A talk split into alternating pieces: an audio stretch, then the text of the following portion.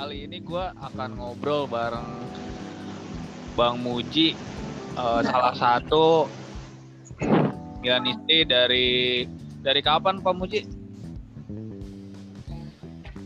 Dari ya sekitar 1989 90-an. Itu SD lah itu. Di 90-an ya. Ya, 90-an. Boleh diceritain kenapa suka sama Milan? Kalau nggak salah waktu itu ya, waktu SD itu nonton AC Milan lawan mana itu ya? Tim, dari Amerika Latin ya, kalau nggak salah Piala Toyota waktu itu. Kalau sekarang kan kejaran dunia antar klub. Nah itu lihat Rio Belanda, nah ya itu mulai mulai ngefans, kemudian juga baca-baca koran. Waktu itu kan uh, ayah saya kan saya kan langganan koran gitu ya, jadi saya sering baca. Akhirnya ya ya senang lah ya. Pada waktu itu memang kan lagi ya caranya lagi mulai berdayanya dulu Belanda ya. Marco van Basten, Ruud Gullit, Frank Rijkaard, ada Donadoni, kemudian ada Baresi, Staku Tamaldini, Tasoti itu, Ancelotti ya waktu itu. Aku jadi pemain itu ya. Itu ya. Mulai mulai tertarik. Itu SD kelas 5 kalau nggak salah ya itu itu selama ya. uh, suka sama Milan pemain yang paling difavoritkan siapa? Uh, banyak sebenarnya ya. Cuman kalau saya sendiri yang paling favorit ya si Rino. Ya, nomor 8 ya Rino Gattuso itu ya. ya. Karena pemain ini tuh iya pemain ini tuh kayak supporter yang nyamar jadi pemain ini. Uh, biasanya kan kalau pemain kan sekedar ya ngegolin atau apa gitu. Tapi kalau Rino Gattuso ini supporter nyambi jadi nyamar jadi pemain ini. Jadi dia main nggak hanya sekedar main tapi ya bagaimana mempertahankan uh, wilayahnya bertarung itu itu yang semangat fight-nya ini yang mungkin dalam uh, ya beberapa tahun terakhir ini sejak dia yang Kang itu hilang itu ya. Semangat semangat tempur kayak gitu. Ya ini mulai melaga lagi kan. Itulah yang kayak saya paling suka si Rino Gattuso. Meskipun secara skill ya, biasa biasa tapi semangat punya itu itu yang luar biasa dari seorang Rino.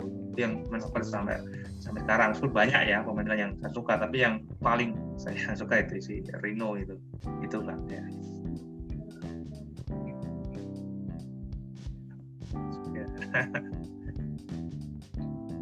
kita kita langsung review ke pertandingan spesial lawan AC Milan ya Pak ya? Oke. Oke oke gimana nih pendapatnya? AC Milan dikalahkan oleh Spezia dengan uh, shoot on targetnya nol pak. Iya. Saya ya, di streaming ya lihat di streaming. Uh, ya cuma lihat sebentar lah ketinggalan 01 itu. Terus saya pas ya kebetulan pas bangun ya tengah malam bangun terus lihat di streaming itu. Uh, itu saya mat, gol kedua udah saya matikan karena bukannya apa-apa ya. Kalau dari, dari saya masa nggak kalah itu nggak masalah ya namanya main bola ya. Tapi kan nggak ada apa ibaratnya nyerang aja udah nggak bisa gitu loh. Mulai, uh, apa ketika saya melihat main 10 menit ketika kebobolan uh, pertama dan kebobolan kedua itu udah saya bilang habis sudah. Karena apa? Nggak ada beda kalau dulu yang dulu kemarin-kemarin ya lawan mana lawan Verona atau lawan mana itu yang draw itu kan itu kan masih ada semangat lawan derby yang di uh, derby sama Inter itu kan meskipun kalah tapi kan apa atau draw itu kan ada semangat tempurnya itu loh. Ya kalau kemarin lawan spesial udah flop semua, off semua. Sampai Pioli ganti Benacer ditarik, Yair Simon Her tarik itu udah panik, udah pergantian yang panik. Jadi memang flop banget. Hernandez itu juga gol pertama kan kecolongan itu. Hernandez pressing lepas. Terus iya. umpan dari Romagnoli kan ngasih umpan gol kedua kan kesalahan Dalot juga e, wong dia one on one harusnya bola itu buang ya gitu kan uh, dia antara pricing sama itu tanggung gitu kan tanggung sekali kan nah itu kan ya nggak kemudian setelah kebobolan nggak ada semangat tempur untuk ngejar lagi. Ya udah itu kalau saya rating ya empat itu pemain kemarin Milan itu. Empat empat. Ya itu tadi karena saya sudah selesai selesai. Biasanya kan meskipun kalah saya tetap, tetap lihat terus ya karena menyerang gitu ya. Ada dia itu sudah enggak wah kacau udah. Nggak melihat mana udah kacau itu. Tengahnya nggak jelas. Sayap nggak jalan ya udah hancur semua. Nggak ada koordinasi link antar lini nggak? Sekacau udah. Empat semua itu kemarin. Pelatihnya tiga mungkin rating gitu kalau menurut saya. Bahkan saya bukan kalau saya sudah berkali-kali nonton Milan kalah tapi kalau masih bisa ngimbangi menyerang itu nggak masalah. Ya udah hancur-hancuran itu. Ya males. Gitu. itu kalau saya. Masalah bukan masalah hasilnya ya tapi hancur-hancuran permainan itu loh. Itu itu kan apalagi kan uh, kalahnya dari Spezia ya. Kalau kalah dari Inter dari Atalanta dari Juventus itu masih bisa kita pahami apa ya. Mereka tim besar. Iya secara materi. Iya secara materi kalah misalkan terus? Dan kemarin uh, Romagnoli pun bikin statement kan kalau uh, mereka itu uh, sedikit meremehkan dari Spezia sendiri gitu pak iya. Ya menurut saya mereka kaget. Jadi kalau saya mengamati kaget mereka. Jadi nggak nyangka tim yang underdog mainnya pressing ketat kayak gitu. Biasanya tim-tim pressing ketat gitu kan kayak Atalanta Juventus Inter gitu main seperti itu. Gak nyangka kan? Biasanya kalau tim-tim bawah lawan AC Milan defend di belakang. Mereka bisa ngotak atik bola. Sementara ketika spesial dari menit pertama langsung tancap gas udah. Itu kacau itu. Uh, permainannya kacau. Nah, ketika kacau itu eh, nggak uh, ada pemain pembeda gitu loh. Nah, nah kalau misalnya ya misalnya kalau ada Gattuso nah dia kan paling nggak merusak momen lah. Paling nggak dia buat atau apa gitu. Itu merusak momen tim gitu loh. Nah itu itu kemarin nggak ada tuh pemain-pemain Milan yang bisa merusak momen. Kalau dulu kan kita punya Inzaghi jadi ada teknis itu dia jatuh. Nah ketika atau buat keributan itu kan bikin paling tidak eh, bikin nah, paling enggak ya ada momen lah gitu loh. Ada jadi biar merusak momen lawan itu. Kemarin kan nggak ada. Ya Ibra juga biasanya buat keributan juga tidak kan kemarin kalem-kalem saja kan. Itu jadi, jadi kaget gitu. lawan depan bawah nggak nyangka biasanya papan bawah itu kayak Kroton kemarin kan dia defend di belakang gitu kan. Bolonya defend di belakang tapi ini langsung kejar langsung press high press langsung uh, high press dari awal. Sehingga ketika di tengah kaget ya siap. Itu akhirnya ya lah ya anda ya sedikit meramaikan juga itu istrinya kaget ya. Jadi kenapa tim papan bawah kayak gitu mainnya ya high press kalau analisis saya. Iya. Tapi Pak dengan uh, dengan kekalahan AC Milan ini uh, menjadikan derby nanti itu sebagai penentuan kan siapa yang akan uh, di Kepolisian di pekan selanjutnya gitu ya Pak ya. Jadi lebih bergengsi gitu loh. Iya. Hmm. Iya. Jadi apalagi dengan kemarin ya derby di Coppa Italia kan antara Lukaku sama Ibra tentu Iya. Uh, dan saya yakin pemain Milan ya tentu kalau kita bicara derby itu beda.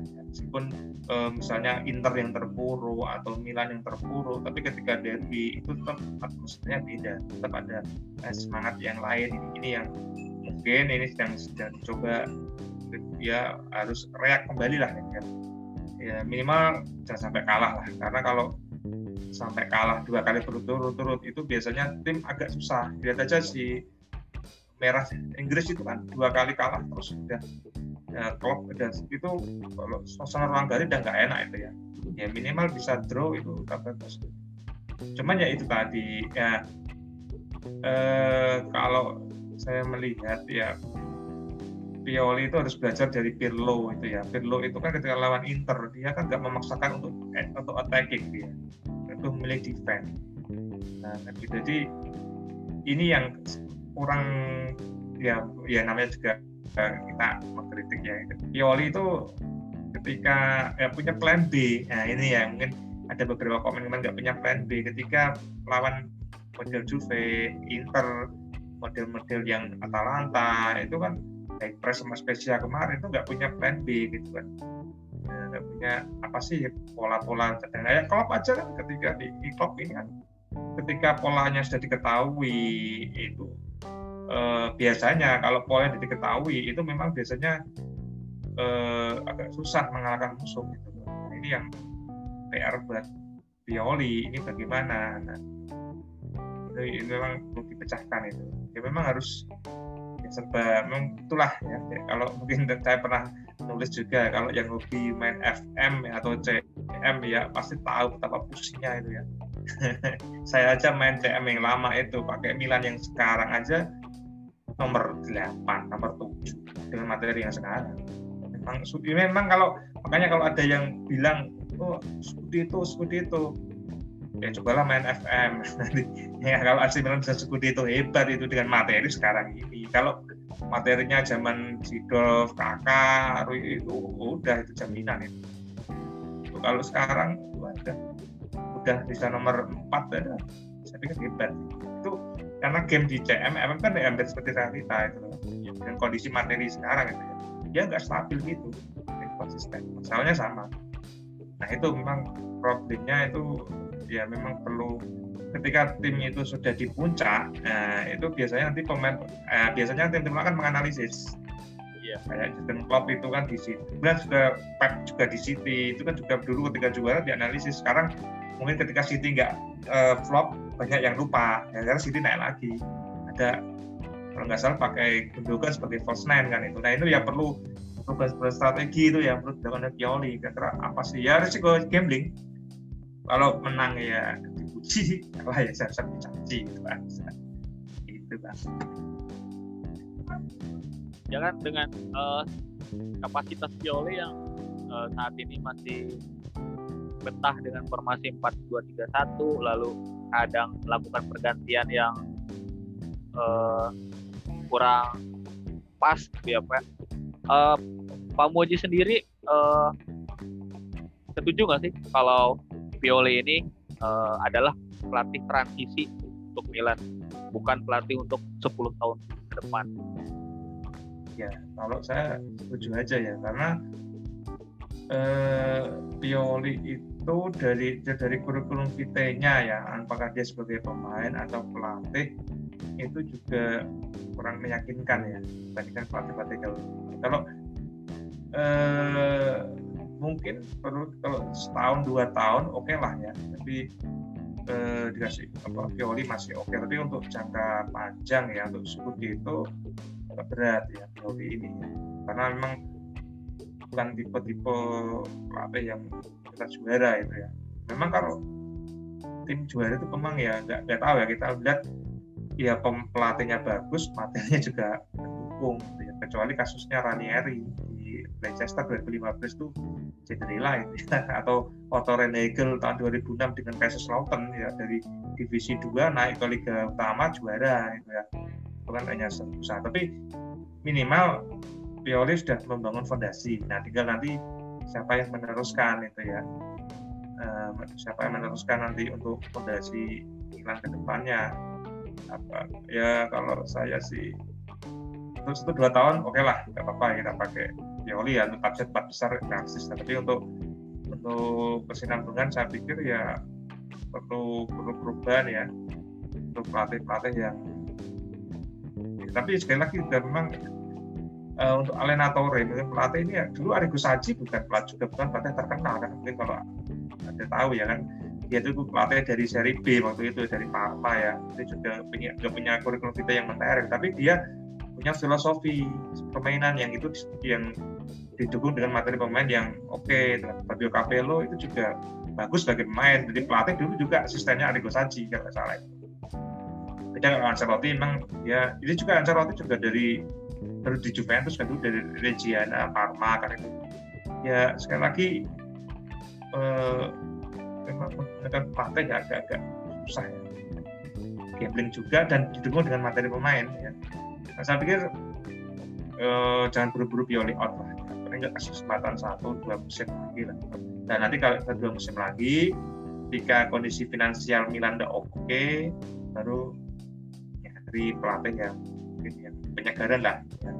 Uh, pelatih pelatih yang penyegaran yang mungkin yang baru. Tapi kalau biasanya ya ini mitos ya, mitos dari cara mitos ya. ya. Kalau di Milan itu lebih sukses dengan pelatih dari Italia. Iya kan? Dulu kita punya pemain pelatih asing sih, ada Sidor, ada kemudian pelatih Terry, Oscar Tabares, itu banyak yang gagal. Tapi sekali lagi memang milih pelatih itu memang dulu Maldini pun juga milih yang milih Giampolo kan Maldini juga kan dulu ketika menang Sampdoria flop yeah. juga kan. Iya ya kita pertahanin lah. Enggak ya secara manajemen itu kalau melihat kinerja Pioli ya satu dua musim.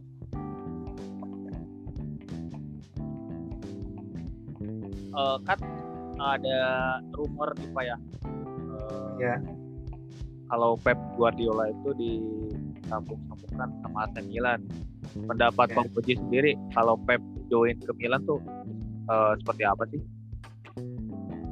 Kalau Pep itu kan filosofinya jelas basicnya total football ya. Total football dari zaman Johan Cruyff dari Johan Cruyff kemudian dikembangkan ala Spanyol dengan tiki taka ya nah kalau Pep ini kalau di Milan bisa pikir dengan mata, uh, pemain-pemain muda sekarang ya saya pikir cocok sasa saja saja cuman memang uh, itu tadi biasanya Pep itu pasti kalau uh, minta pemain-pemain yang ber, uh, kualitas tinggi ya. Sementara kan kalau sekarang Milan aja beli pemainnya juga kan hati-hati nggak bisa kayak dulu kan 200 juta euro langsung sekali musim dari itu kena FFP jadi memang ya itu tadi kalau ya namanya rumor ya kita nikmati aja. Tapi kalau saya kok agak berat ya. Tapi kita nggak tahu nanti apakah Elliot punya rencana lain ya. Cuman memang kalau eh, Guardiola ini memang dicenderung ke bola posisi position ball position ya dengan pendek itu ya. Itu ala total bola pendek. Saya pikir kalau dengan metode sekarang ya bisa-bisa saja. Tapi memang uh, ya bila paling Milan itu UCL dulu lah. Nah, kalau itu sudah buat satu dua musim di UCL mungkin baru. Kita bisa bisa dan, dan apakah pertanyaan pertanyaan selanjutnya? Apakah Milan mampu memenuhi permintaan Pep? Lihat aja di City berapa juta pounds yang dihabiskan kan dia untuk membeli iya. dan juga di Bayern Munchen itu berapa? Barca berapa? Ya mau nggak kan gitu. Nah itu itu permasalahannya kan dengan kondisi Milan seperti banyak mau nggak? Dia permasalahannya begitu kan. Di nah ketika dia Barcelona pada Barcelona waktu itu kan ibaratnya sudah dibentuk sama Rizkat waktu itu ya dibentuk sama Rizkat dia tinggal meneruskan kan itu masalahnya apakah tergantung itu loh yang kalau filosofinya saya pikir tidak masalah. Filosofinya dia tiki taka kalau main kita itu Italia, Italia juga Milan juga pernah ada Van Basten ya yang terus Belanda juga football ya itu. Cuman permasalahannya minta permintaan pemainnya itu yang itu apakah bisa dipenuhi? Nanti kalau kalah alasannya nggak diberikan pemain. Bisa aja problemnya pribadi ya kan uh, apalagi ya uh, musim ini aja nih ekspektasi Milanisti itu tetap juara pak walaupun manajemen uh, udah yeah. udah besar, ya? awal musim ya kalau kita cuma uh, masuk Liga Champions aja gitu targetnya Pak Muji sendiri gimana nih melihat ekspektasi Milanisti yang ya udah juara kalau nggak juara uh, ya gagal gitu ya itu nggak tahu itu kalau yang dinasti yang muda-muda mungkin ya. Yang muda-muda kalau yang sudah seperti saya ya sudah mengalami beberapa kali mulai 2012 sampai sekarang ini kan flop itu ya sampai sampai 2018 itu kan sudah enam tahun ya flop itu kan. Dia menurut saya dengan nah ini yang Milanisti harus tahu ya materi pemain kita itu settingannya juara atau enggak gitu iya kan? Pemainnya kan? Pada pemain terkenal nggak ada. Pemain bintang nggak ada Milan itu. Nggak ada pemain bintang kecuali kipernya ya yang kategori uh, bintang lima lah. Kalau iya. lain-lainnya itu nggak ada. Nggak ada. Itu yang perlu disadari itu. Beda dengan Inter lah. Kalau Inter itu kan settingannya pemain pemain-pemain yang harga mahal itu. Ada Hakimi ada Lukaku ada Juventus ada Ronaldo. Lah kita pemain bintangnya siapa kecuali Donnarumma Romagnoli ya kayak gitu siapa gitu? Benacer juga ya masih kayak gitu. Messi juga belum nih paling bintang dua lah. Dari bintang yang istimewa cuman kalau saya Donnarumma itu yang kategori. Nah, nah ini yang tidak disadari oleh Milanisti jadi target Milan itu kan nah kalau yang mempelajari dari era Li Berlusconi oleh Colette Li itu kan memang eh, membenahi finansial dulu. Itu yang benih finansial sambil prestasi kan gitu.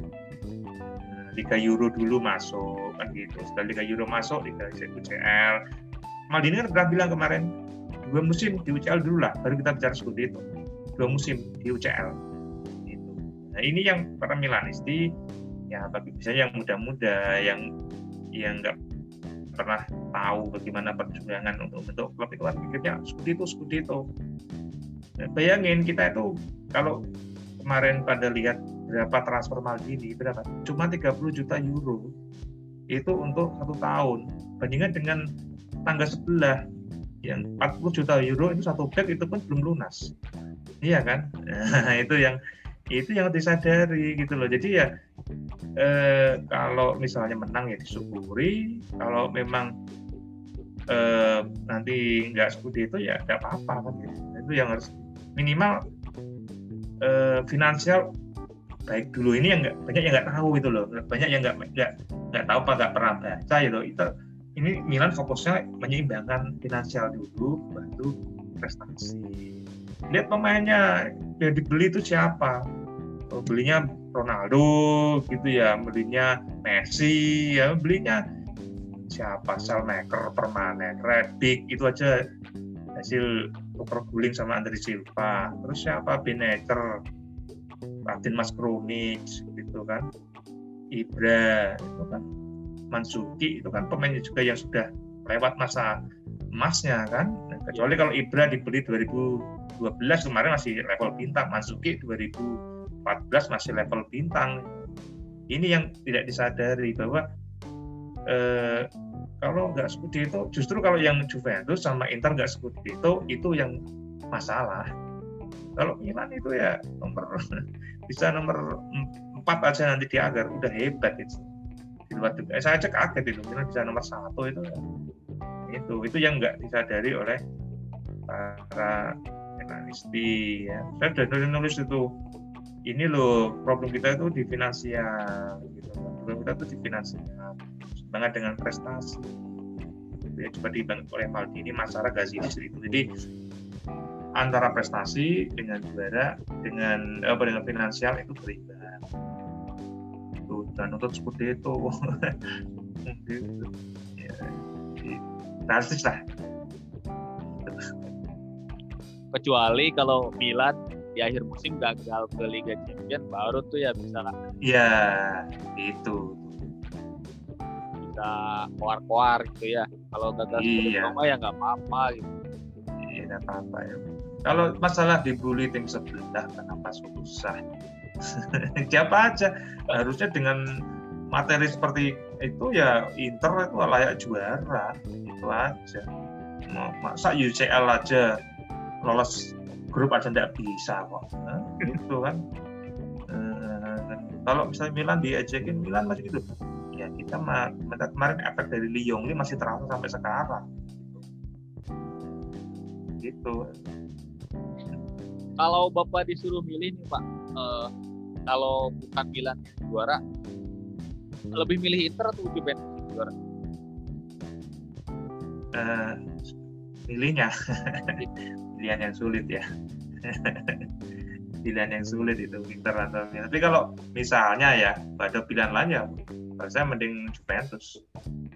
Ya, kalau karena kalau kita dengan Juventus kan musuh di lapangan tapi uh, friendly di luar gitu loh. Sama fans fansnya juga biasa gitu loh. Tapi kalau mana ya dengan tetangga sebelah itu emang tahu. Saya juga punya pengalaman dengan teman itu yang kalau yang fans sebelah itu wah itu itu orangnya nggak bisa nyantai itu. Dia panas itu. Saya dulu pernah ingat masih dulu masih SMS-an gitu ya. Dia tuh ngomongnya panjang gitu bahas tentang Inter gitu. Terus saya cuma guyon gitu kalau dengan orang-orang Juventus itu, itu ya, biasa kita tapi orangnya santai. Kalau Juventus itu ya kalau Milan menang ya mereka ya ya selamat gitu. Kalau kalau paling kalau Juve kalah sama Milan gitu ya kalian nyengir gitu aja ya, kalau Inter itu biasanya agak beda makanya kalau apalagi kan kasus 2006 ya Nah, 2006 mesti pada harus ingat itu ya, ya. pelajaran sejarah penting itu kan. Itu kan yang Milan, Lazio itu kan kena, gitu kan. Fiorentina, kemudian yang Juventus juga di seri B itu kan. Iya, si Ular itu akhirnya juara di pengadilan itu yang memang jadi musuh bersama itu kan. Kalau saya mending dia Juve saja. Ya kita aku memang secara kalau Juventus satu dia secara manajemen udah sangat bagus. Dia seperti Liga Inggris punya stadion sendiri dengan manajemennya bagus gitu loh jadi kalau memang juara ya pantas karena itu manajemen yang bagus. Tapi yang memang di, sedang dicoba oleh Milan itu Juventus gitu. Bukan itu tetangga sebelah. Dan Milan memang harus kita akui kalau Juventus itu manajemennya bagus punya stadion sendiri. Di Italia nggak ada yang punya stadion sendiri kecuali Juventus. Itu yang perlu itu yang perlu Milan itu tahu ya. Beda di Inggris. Di Inggris itu tim kecamatan punya stadion sendiri Jerman punya stadion sendiri. Italia itu nyewa Pemda, Pemkot itu. San Siro tuh nyewa Pemkot. Yang punya itu cuman Juventus. Nah, ini ya kalau saya lebih milih Juventus ya. Apalagi kita punya sejarah kan Ancelotti juga dari Juventus, Inzaghi juga dari Juventus kan gitu. Sudah banyak berjasa buat Milan. Kalau kalau Inter ya berjasa juga Sidorf kita masuk ya. Sidorf, Pirlo itu juga kan berjasa juga. Nah, itu. Jadi memang dan juga kalau saya melihat ya ini kalau ini sejarah belajar sebagai sejarah yang lalu kalau Milan dengan Juventus ketika Milan kalah atau Milan menang lawan Juventus supporternya tenang-tenang aja nggak masalah tapi ketika lawan Milan lawan Inter ketika Inter kalah itu supporternya itu brutal itu mungkin kasus 2002 2003 ya sebenarnya Liga Champions ya tidak yeah. dilempar sama kembang api itu kan iya yeah. ya itu kan kita lihat kan fansnya siapa itu Inter kan. Kalau Milan sama Juve, Juve kalah sama Milan ya fansnya Juve ya santai saja. Ketika Milan pernah dibantai sama Juve 1-6 atau 0-6 itu dulu ya. Itu dibantai. Tapi fansnya Milan ya santai-santai saja. Karena dengan Juve dengan Milan itu hanya ya perang di lapangan. Kalau di luar itu ya bersahabat sebenarnya. Itu Berlusconi sama Agnelli ya sahabat Baggio ditarik ke Milan gitu.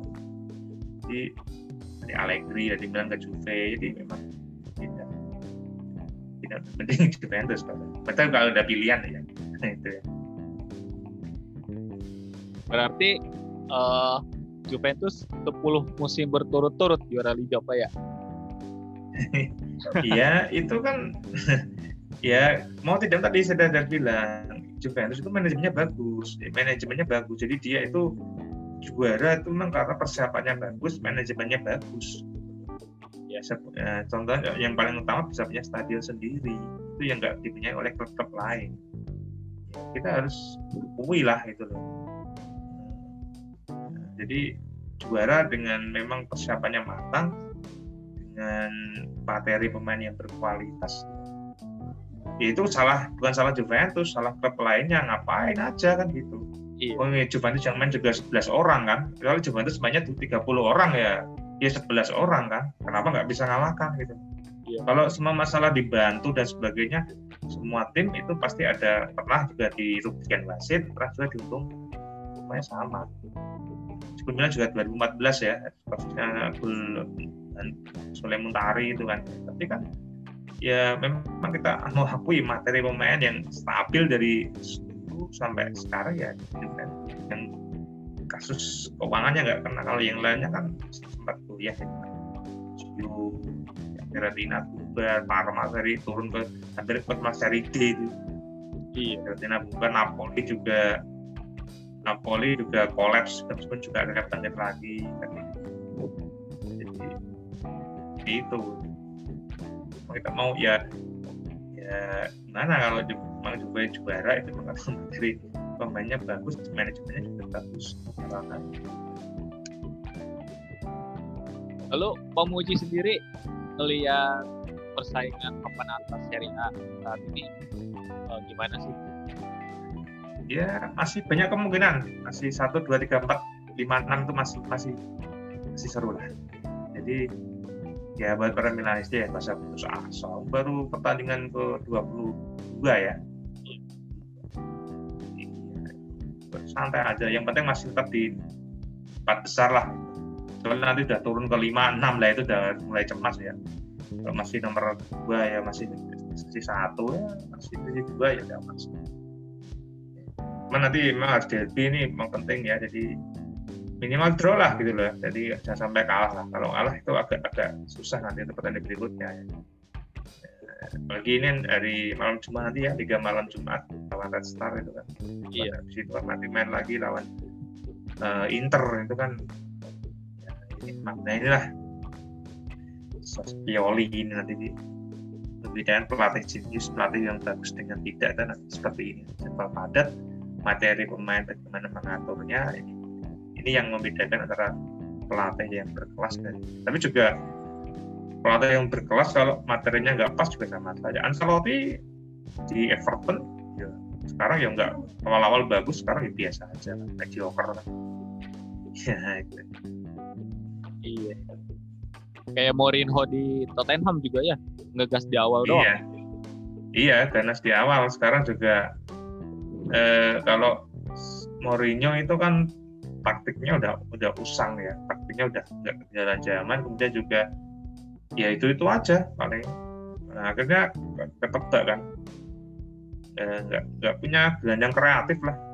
Ya problemnya. Kalau dulu di Chelsea kan ada Lampard itu kan ketika deadlock bisa ngegolin lah. Kemudian di Porto dulu ada Deco ya bisa kadang-kadang kreatif di, di Madrid itu juga dulu kan filosofinya karena kalau Madrid tuh ngeri itu ya Madrid tuh main bagus menang.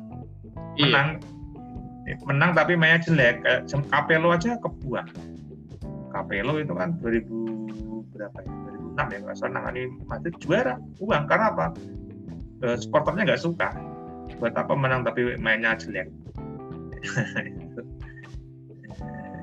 Jadi memang itu tadi.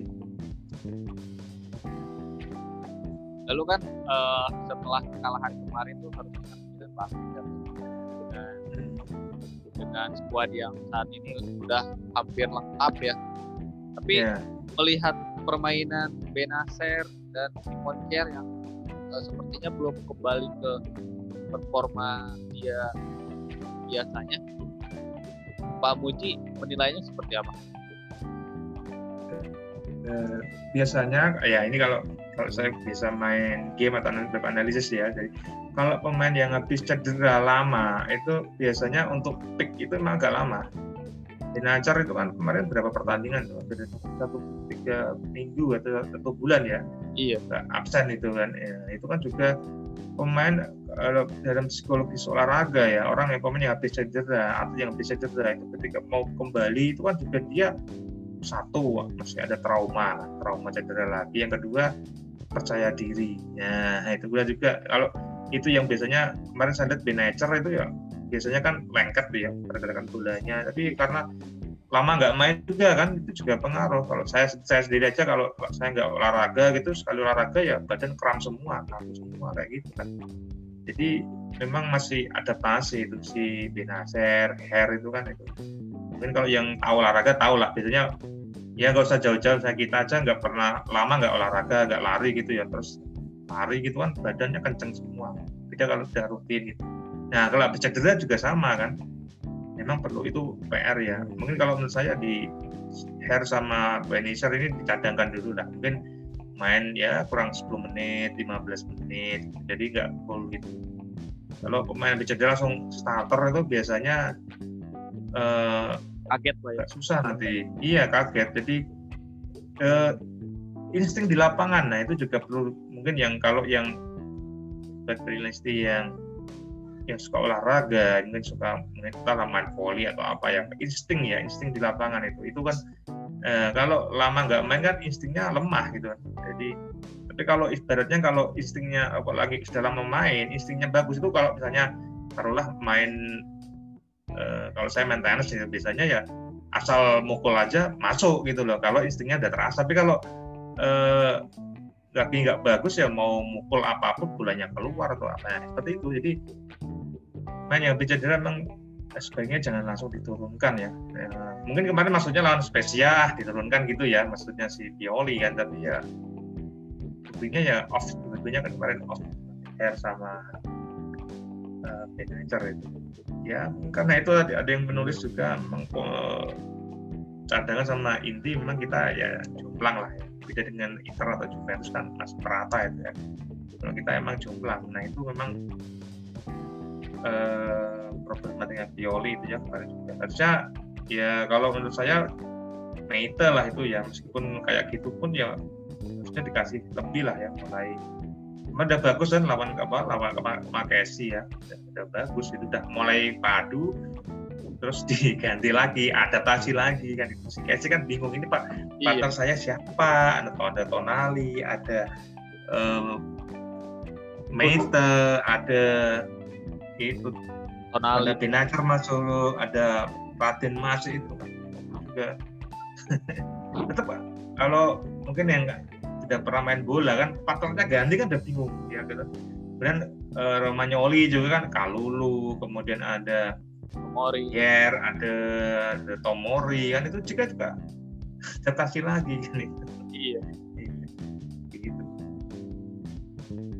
Kalau ngomongin lapis kedua kita yang jomplang kan pak di posisi back yeah. kita hanya ada Theo dan yeah. sekarang Theo uh, performanya lagi nggak bagus gitu menurut Pak Muji sendiri gimana?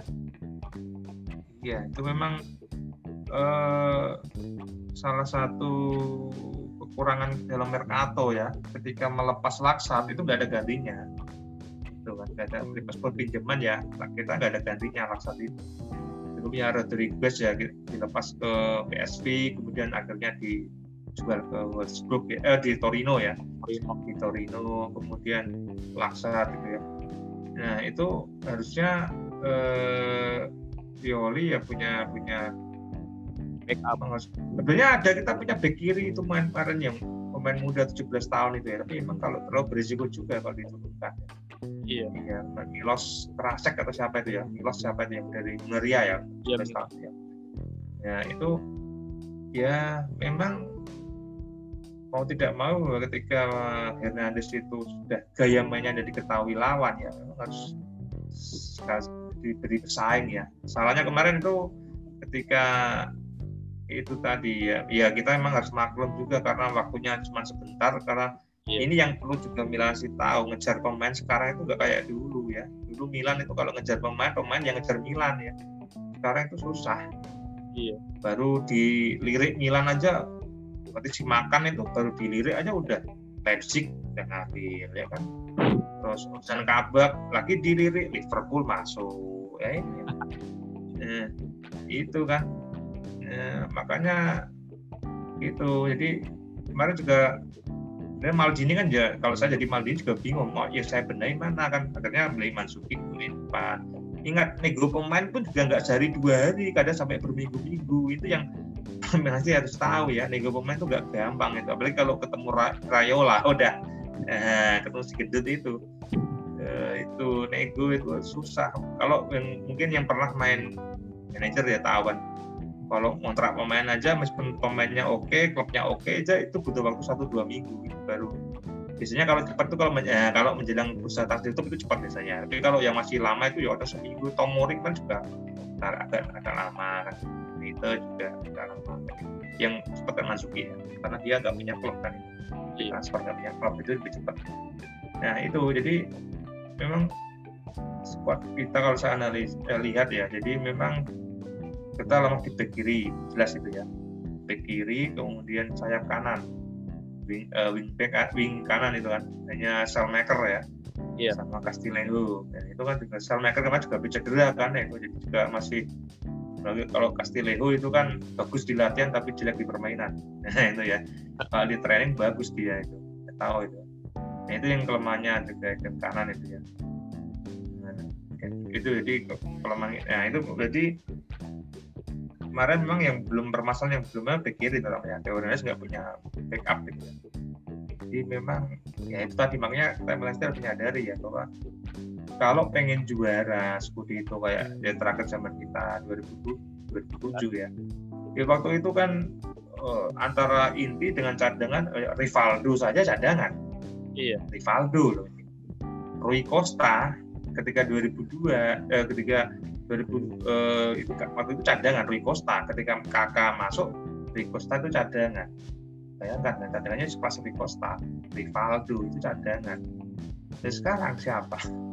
Eh, ya kan gitu. Siapa cadangannya siapa sekarang? Ya, ada kan Brahim Diaz paling. Dan dia sudah cedera. Siapa lagi? Castillejo paling siapa? Cadangannya nggak ada yang kenal mungkin siapa cadangannya itu paling Raden Mas Kronik gitu aja sama eh, yang cadangan sejati kan ya. Kalau yang kayak Leo Rebic itu kan gantian Haugi itu ya. Iya. paling itu Haugi itu yang cadangan. Yang siapa yang lainnya nggak ada cadangannya hampir hampir nggak ada kan. Paling ya ya sama Dona, Dona Rumah yang KW itu yang Tata Rusano. Kalau yang lainnya kan main semua dirotasi semua. Jadi memang itu itu aja pemainnya kan. Apalagi perlu ya ini perlu diingat juga Milanis di eh, Milan itu cari pemainnya cedera sama kena ada covid itu kan gantian. Ya jangan terlalu ekspektasi terlalu banyak. Gitu. kalau inti kita paling hanya paling siap itu lima empat belas bonus point aja kok yang yang yang lainnya ya nggak tahu lah. Itu itu yang untuk para itu tahu ekspektasi yang terlalu tinggi lah.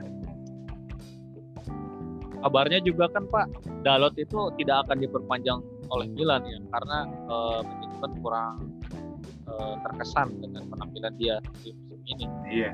Lawan spesial apa iya apa lawan spesial kemarin ya.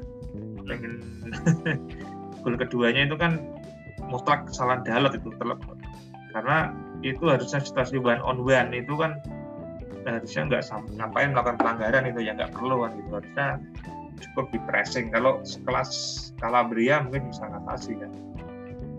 Iya. Apalagi eh, kalau kasusnya Dalot itu kan perjanjiannya kan dry loan saja. Iya. tidak tidak ada opsi permanen tidak ada kewajiban membeli kan. Dan juga Sevilla Pak, kalau nggak salah Sevilla masuk ya Barcelona atau Sevilla itu mereka masuk? Sevilla. juta euro. Sevilla ya yang masuk kalau menurut saya ya udah lepas. Ngapain lah masih ada buat itu yang saya pikir mak juga eh, kalau mau beli itu ya juga harganya paling nggak 20 28 itu ya 30 ngapain ya? Bukan segitu mending cari-cari pemain yang free atau yang bisa loan gitu kan. Ngapain dah gitu. Kalau ini yang eh, dengan kondisi keuangan sekarang gitu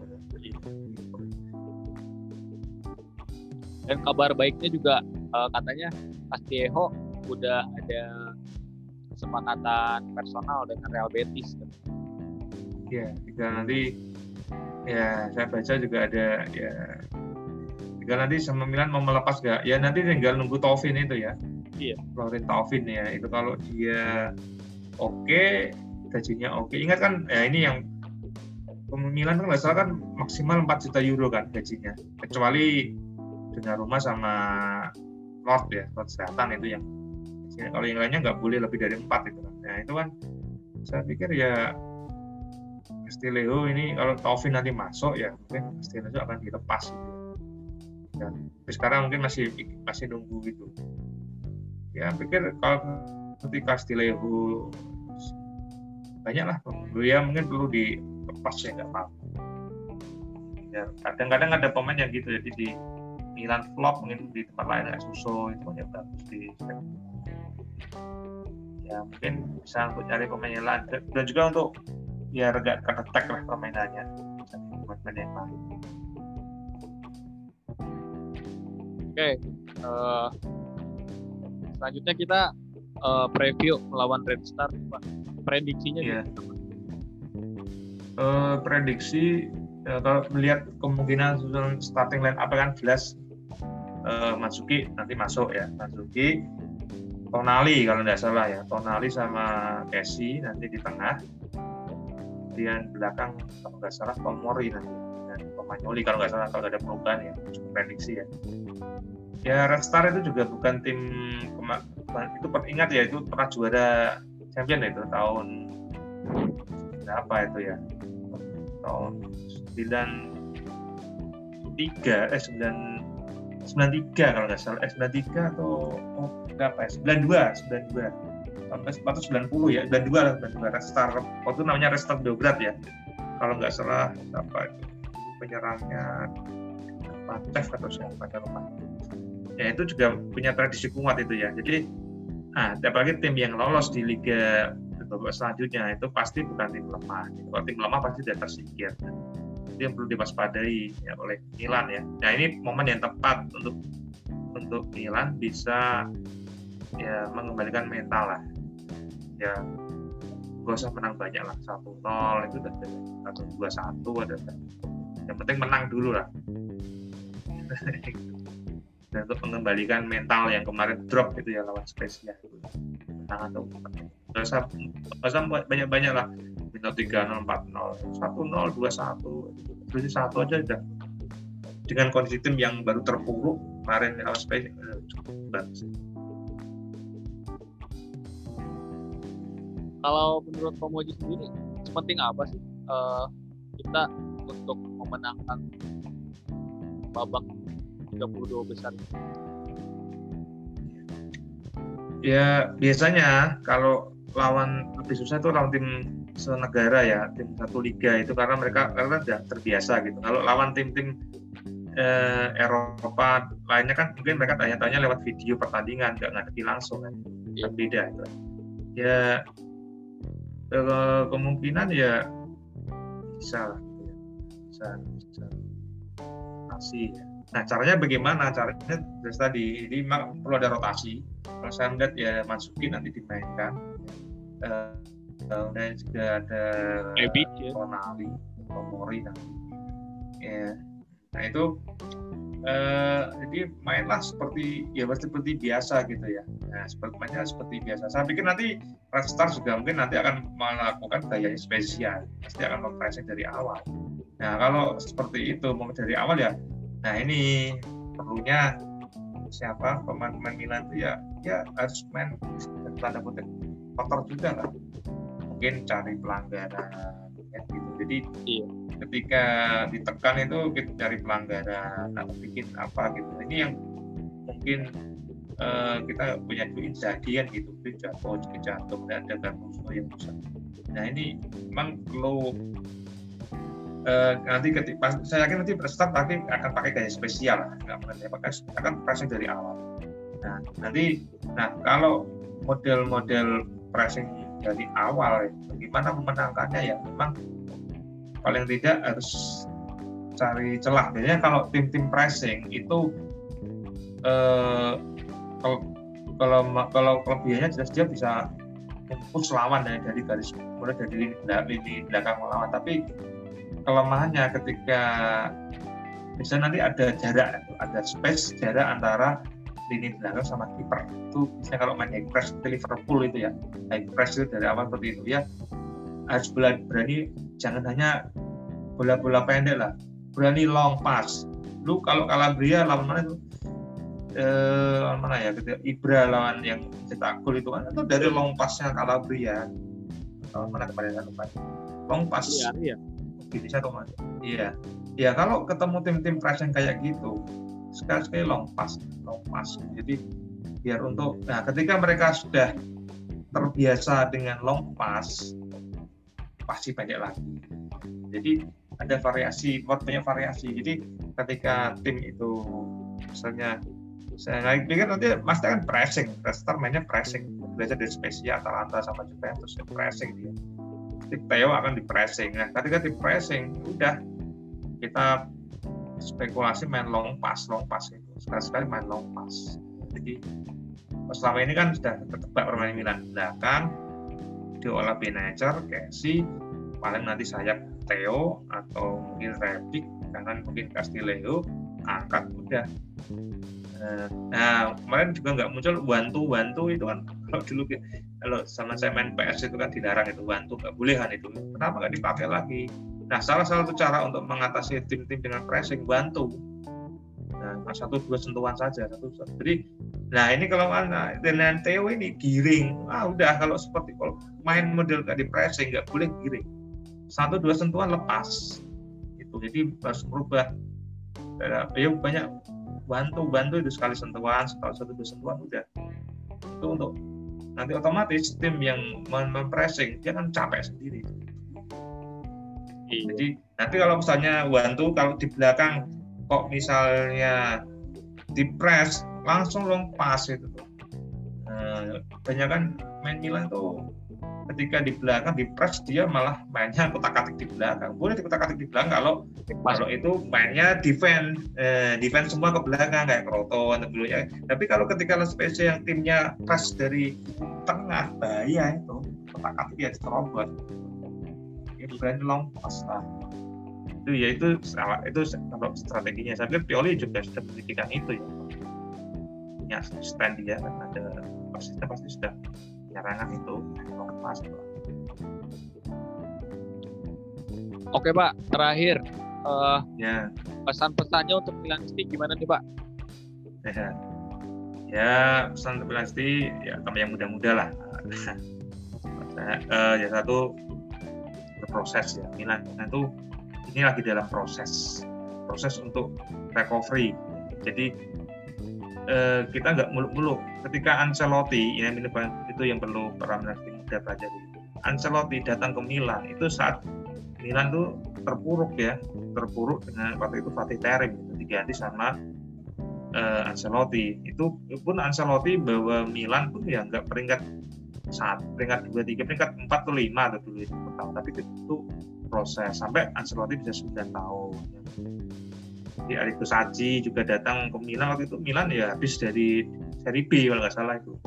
Arrigo Sacchi masuk. Jadi memang itu proses. Jadi memang ini Milan kan sedang berproses jadi harus sabar ya. Kalau menang ya nggak usah jumawa nggak ada tanda sebelah kalau kalah ya ya udah usah terlalu sedih berkepanjang ini Milan sedang berproses tim muda tim yang berproses itu ya habis recovery jadi memang kita jangan tetap optimis tapi jangan juga terlalu sombong ya kalau menang membuli yang lain ya biasa aja lah ya, jadi kalau seperti saya mungkin kalian yang muda-muda nggak pernah merasakan Milan peringkat 10 11 di akhir ya. Zaman Capello sama Sachi itu zaman Oscar Tabares itu peringkat 10 96 itu peringkat 11 baru Zaccheroni datang peringkat langsung juara kan itu Zaccheroni ya Nah itu jadi memang untuk proses sabar. Kemudian juga gara informasi sebanyak mungkin ya. Jadi jangan hanya ibra penyakit atau apa, baca informasi dulu. Ini yang kelemahan, ini bukan kelemahan ya, kekurang, uh, ya ini untuk sharing saja lah. Jadi, para dinasti yang muda-muda banyak membaca, perlu tahu dari segi keuangan juga. Ada financial fair play. Dan kenapa Milan nggak beli pemain bintang, nggak beli Messi, nggak beli ini? ingat ya setelah keuangan itu ya nggak sembarangan kayak dulu ingat Fiorentina hancur Parma hancur itu kan eh, gara-gara nggak bisa mengelola keuangan jadi bagi Milan kalau memang uh, para Milanisti itu mengaku sebagai Milanisti ya harus dukung gitu ingat sekali anda itu merah hitam ya asalnya kan merah hitam itu Milan adalah family keluarga tidak hanya sekedar klub tapi keluarga Yeah. Nah ini yang ini yang perlu diketahui. Kalau menang nggak usah sombong, kalau kalah yang sedih. Ya. Itu berproses. Ya, apalagi yang muda-muda kan nggak pernah mengalami asal surutnya kan tahu taunya mungkin apalagi yang bilang baru senang bilang sekarang wah ada bisa nomor satu nggak tahu yang kemarin yeah. biasanya kalau biasanya kalau yang suka Milan itu biasanya ya usia usianya 30 ke atas so. biasanya kan kalau katanya gitu ya. Tapi kalau ada anak muda yang yang itu itu. Milan tuh bagus. Ingat tapi ingat Milan tim yang punya tradisi. Tradisi untuk bisa di Eropa di internasional. Kita tunggu aja. Mudah-mudahan ini ada masalah Maldini ya terutama ya bisa membawa kembali Gaza di situ ya. Terus dia bilang mengarsenalkan. Ingat Arsenal itu pada saat Wenger meskipun nggak pernah juara Eropa tapi klub dengan sehat keuangannya. Itu loh itu ya itu harus kita dan zamannya juga sudah beda. Nah, zamannya zaman saya dulu 90-an dengan sekarang udah sangat beda jauh sekali.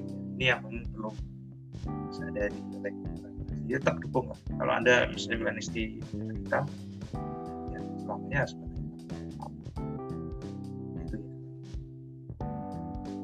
Oke Pak Budi, terima kasih atas waktunya. Iya, sama-sama. Semoga keluarga. Amin, amin, amin. Mas juga juga pas keluarga juga ya, sehat. Ya. Amin. Gue Irfan pamit. Iya, iya. Pak Muji juga pamit. Ya, Barca Milan.